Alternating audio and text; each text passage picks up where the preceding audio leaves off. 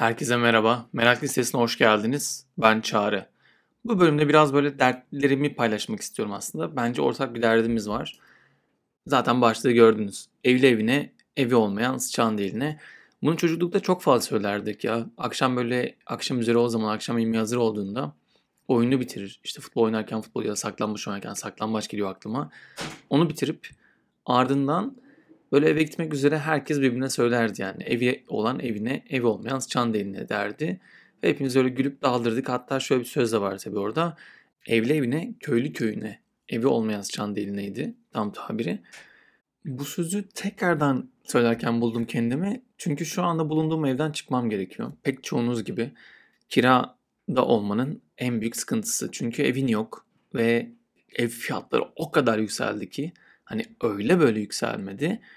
Ve gerçekten de şaşkınlık verici bir yükseliş ve bu yükseliş devam edecek gibi gözüküyor. Çünkü arz talep dengesi deniyor. Arz yokmuş, şöyleymiş, buymuş, az yapılmış inşaat şeyleri falan filan derken ama bence bu bölümde biraz daha konuşacağım şey bunların dışında bence büyük bir ahlaki çöküş yaşıyoruz. Bu çöküşü de bence en net gösteren şeylerden bir tanesi bu araba fiyatlarının ve ev fiyatlarının artmasında çok daha net bence bunu görebiliyoruz. Oraya gelirken de biraz bahsedeyim. Bu süreç beni depresyona soktu. Ya çünkü ev çok önemli bir şey. Özellikle mesela çocuklara baktığın zaman çocukluğumuzda evin olması senin korunma ve barınma ihtiyacı için en önemli şey. Yani aslında sen güvenli tutan, hayata karşı kendini güvenli hissettiğin bir yer. Evin olmaması ise aslında kendine ait bir yerin olmaması o güvenliğin kalktı anlamına geliyor. O yüzden içimdeki çocuk bu yüzden inanılmaz derecede korku ve panik halinde. Çünkü ev bulamıyorum. Ev bulabilsem kiralar o kadar yüksek ki o kirayı vermek demek yani sadece kira için yaşamak demek ve sadece kira için yaşamak da istemiyorum. Yani bunu bence hiçbirimiz istemiyoruz zaten. Ama düşünsenize ev fiyatlarının bu kadar korkunç yükselmesi ve pek çok kişinin yeni evler bulup da taşımaya başlama hali. Bu da çok ilginç geliyor çünkü bunu yapabilenler de var. Ama yapabilen çok az kesim var ve yapabilenler gerçekten şanslılar. Dedim ya aslında bu çocukluktan geliyor. İçimdeki çocuk çok büyük bir panik halinde ve bu beni depresyona sürükledi. Çünkü ben şu anda freelance olarak çalışıyorum değil mi? Aslında yaptığım şey podcastler. Ki fark ettiyseniz birkaç bölümdür bir sponsor yok. Dolayısıyla benim aslında sponsor bulabilmem gerekiyor. E, keza kalkıp da eğitmenlik yapmaya çalışıyorum freelance olarak. Ama böyle kriz anlarında en çok bütçesi kesilen şey eğitim ve dolayısıyla benim burada da iş yapma şeyim çok zorlanıyor. Ve bunun yanında da hani reklam bulmaya çalış, sponsor bulmaya çalış, şunu yap, bunu yap. Ve giderler artıyor sürekli. Yani bir gün önce harcadığım bir şey işte evime aldım ve kahvaltı olarak kullandım. Ben yulafla besleniyorum yani. Kahvaltı tamamen bu ve meyve. Ve onların fiyatında bile haftalık olarak %50 bir artış var. Ve bunları karşılamaya çalışmak. E bir taraftan da şu anda astronomik kiralar ödeme fikri çok kötü bir şekilde etkiledi beni ve, ve düştüm. Bence bunu yaşayan sadece ben değilim. Benim gibi siz de bence bunu yaşıyorsunuz. Yaşıyorsanız yorum yapın. Mesaj atın hep beraber üzerine konuşalım. Tabii siz bunu dinlediğiniz sürede büyük ihtimalle benim Instagram hesabım kapalı olacak. Sosyal medyadan biraz böyle 3-4 günde ayrılmak istedim. Çünkü o kadar fazla beni bunaltmaya başladı ki ve paylaşabilmek çok güzel bir şey.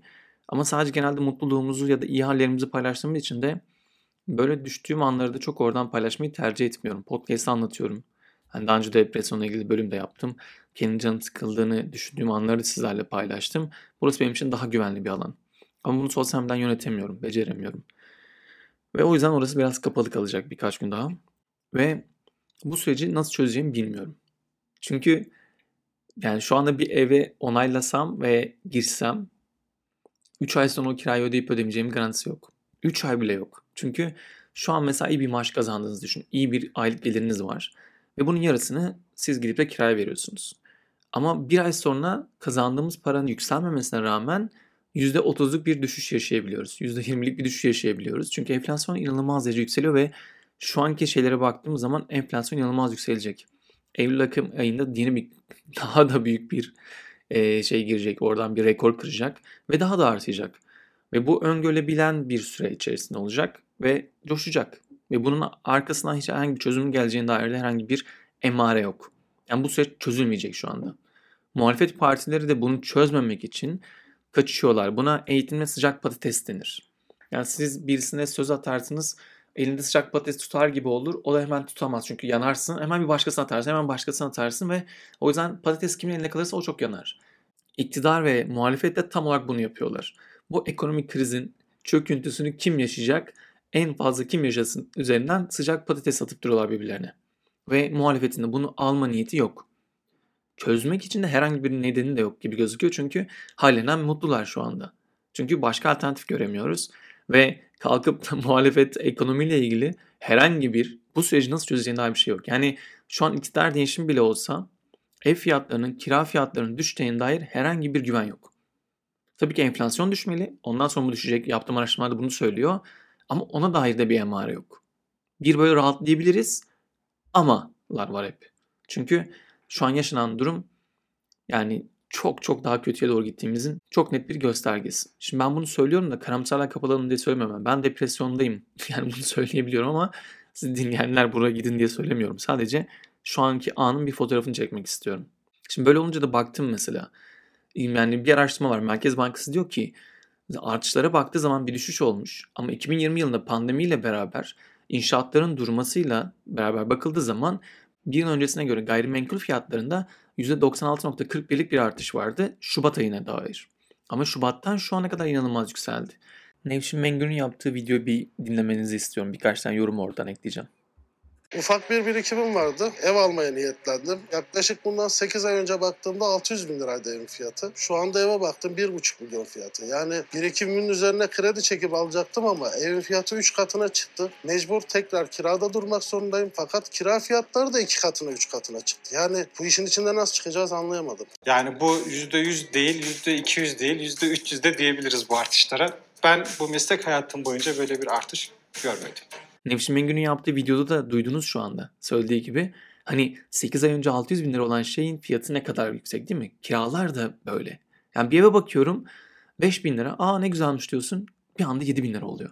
Şu an 8 bin liranın altında İstanbul'da merkez olmayan herhangi bir yerde kafamı koyabileceğim bir ev yok. Ve 8 bin lira ben şu anda veremem. Yani şu an veririm de 3 ay sonra veremem. Yani şu an dediğim gibi hani buradan gelir kazanmaya çalışıyorum. Yeni bir şey deniyorum. Ve orada daha önce yaptığım hatalardan dolayı bir 6 aylık birikimimi yanlış bir işte girip deneyerek mahvettiğim için şu anda yeni yeni toparlamaya çalışıyorum. Ve bunu veremem. Kim verebilir bilmiyorum. 20 bin liralık bir kirayı verebilenler var diye görüyoruz. 20 bin lirayı verdikten sonra 3 ay sonra nasıl vereceksin, 4 ay sonra nasıl vereceksin bilmiyorum. Çünkü o yüzden şey geliyor gözümün önüne. Ev sahipleri ve kiracılar arasında inanılmaz büyük bir kavga çıkacak 6 ay sonra, 7 ay sonra. Çünkü bu kiraların ödenmesi mümkün değil. Ev sahipleri de bir taraftan şuna bakarak kira hesaplıyorlar. Amortisman fiyatı diye bir şey var. İşte bir ev aldığınızda, gayrimenkul aldığınızda bundan kazanacağınız kiranın 15-16 yılda, genelde maksimumda 20 yılda bunu çıkarması bekleniyor. Şimdi siz 5 milyonluk bir ev aldığınızı düşünün. 16 yılda bunun geri kazanmasını istiyorsunuz. 192 ay böl 192 aya bölüyorsunuz ve çıkan fiyat bunun aylık olarak 26 bin liranın üzerinde bir kira getirisi olması gerekiyor. Ve 16 yıl boyunca böyle olacak. Tabii ki kira artışları falan da var. Oradan işte kiralayacaksınız. Ama minimumda kirası o an kirası böyle hesaplanıyor. Şimdi 1 milyonluk ev var ve kirası o yüzden 5200'den başlamalı. Şimdi 5200'den başlayacak 1 milyonluk ev. Bu ev 6 ay önce 350 bin liraydı. Ama şu an 1 milyon lira. Ya da bir arkadaşım 620 bin lira bir ev aldı. Şu an evin değeri 3 milyon lira. Bu kadar büyük farklar ancak Bitcoin gibi alışık olmaya başladığımız coinlerin dünyasında vardı. Bu bir nevi aslında borsanın işi. Çünkü bir şey yatırım yapıyorsunuz. Hisse düşecek mi düşmeyecek mi oradan görüyorsunuz. Ama şu anda bunlar aslında ilginç bir şekilde coinlerde olan benzer artışlar burada da var. Ama benzer düşüş olacak mı? Bunun cevabı yok. Bir de kimler bu evleri alıyorlar diye baktım. Hani kim bu kadar yüksek fiyatlarda ev alabiliyor diye baktım. Yabancılar deniyor ama yabancıların aslında yıl içerisinde aldığı evlerin sayısına baktığın zaman o kadar yüksek değil. Ne kimler alabiliyor? Evi olanlar, parası olanlar alabiliyor. Bir kişinin evi varsa ikinciyi alabiliyor, üçüncüyü alabiliyor, yatırım olarak görüyor. Şirketler de şu anda iktidarın bastırmasıyla beraber ellerindeki parayı dolar tutamadıkları için evlere ve arabalara yatırım yapmışlar.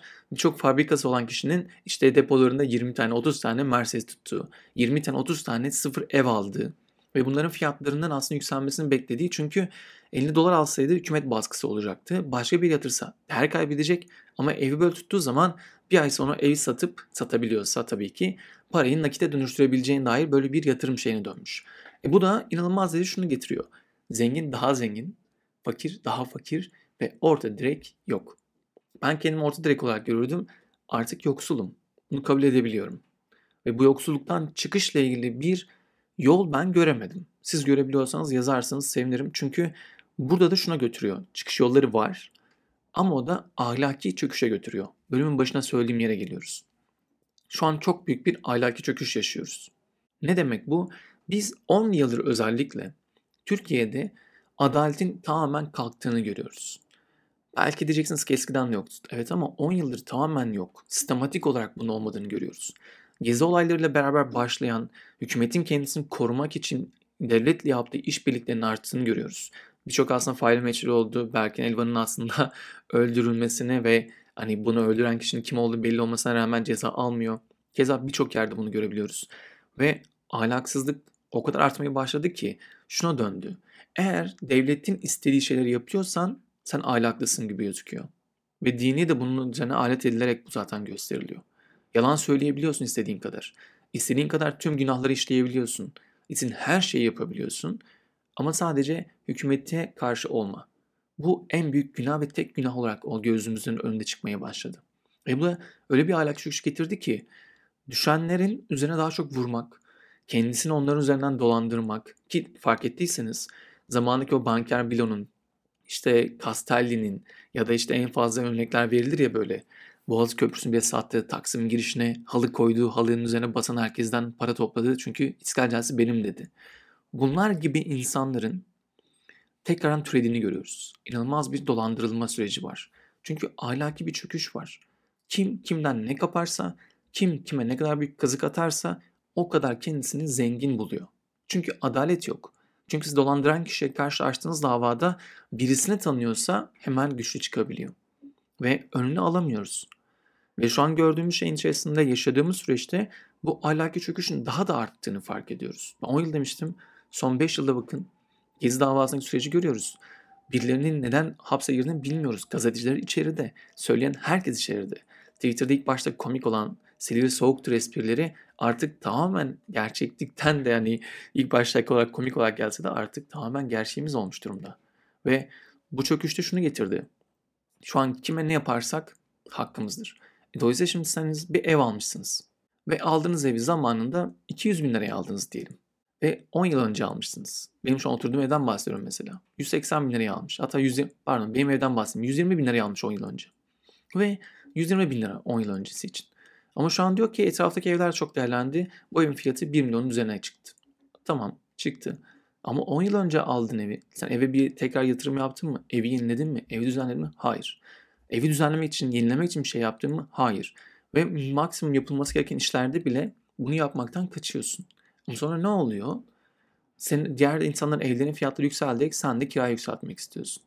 Hadi bunu okey diyorsun. Sonra çıkarma hakkını görüp 10 yılın üzerinde olduğu için çıkartmak istiyor. Çünkü daha fazlasını verecek başkasına. Aç gözlülük artmaya başladı. Bunu etrafınızda görüyorsunuz. Ve hani normalde siz zaten bu evi almışsınız. Amortismanınız 16 yıldı. 4 bin lira kirayı da sizin sağlayabilecekken diyelim. Bunu artık diyorsunuz ki ben 4 bin lira yerine 14 bin lira istiyorum. Neden? Çünkü yan taraftaki evi arkadaşım işte geçen gün kiraya verdi. 12 bin lira kiraya verdi. Benim evim ondan daha güzel. Böyle bir şey olabilir mi? Yani bunun herhangi bir dayanığı yok. Aslında sizin evinizin o kadar fiyat ettiği de belki de yok. Ama işte birileri birilerine bunu yaptığı için, ahlaki çöküşte geldiği için ev sahiplerinin birçoğu da buna gitti. Elindeki şeyi değerlendirmek istiyor çünkü kendisine aslında kazancı eridi. Ve kazancın tek arttığı yerde evin değerinde ve kirasında. Dolayısıyla bir taraftan haklı gözüken noktada ama ahlaklı davranmayan, kendisine göre gücün yanında olarak ahlaklı davranıyor ve bu fiyatları bu kadar yükseltebiliyorlar. Ve kendisi de daha düşük alırsa enayi gibi hissedeceğini düşünüyor. Ve herkes birbirine şu anda işte ben oturacağım diyerek evden çıkmasını söylüyor. Ya da işte çocuğu oturacakmış, şu olacak, bu oturacakmış. Ve sonra bunu daha yüksek fiyatlara kiralamak istiyorlar. Ve bu ahlaki çöküş bence bu fiyatlarda bize o kadar güzel gösteriyor ki bunun birkaç yıl sonra inanılmaz derecede daha fazlasını göreceğiz. Çünkü artık kimden neyi kaparsak o kadarı bizim için kardır mottosu var. Ve bu düzelmeyecek, bu değişmeyecek farkındaysanız. Çünkü toplum olarak son dönemde özellikle eğitimdeki eksiklerle beraber okuduğunu anlamayan, sadece güce tapan, sadece başkasının üzerine basıp da geçebildiği için geçen kişiler kendilerini güçlü konumda gördüler ve kazançlarını yükselttiklerini fark ettiler. E Şimdi böyle olunca da ahlaki çöküş olduğu için de artık bir başkasına destek olmak, yardım etmek ya da olanı olduğu gibi aslında görebilmek, etik olarak davranabilmek kar etmiyor, para etmiyor. Ve para eden şeyler de ne yazık ki pek de ahlaklı değil artık. Emekle zaten zengin olunmayacağı ortada ama artık şöyle bir şey var. Paran yoksa bu ülkede değerin de yok. Ve gittikçe değersizleşiyoruz. Benim depresyonumun en çok tetikleyen de zaten daha önce yaşadığım şey de değersizlik hissiydi.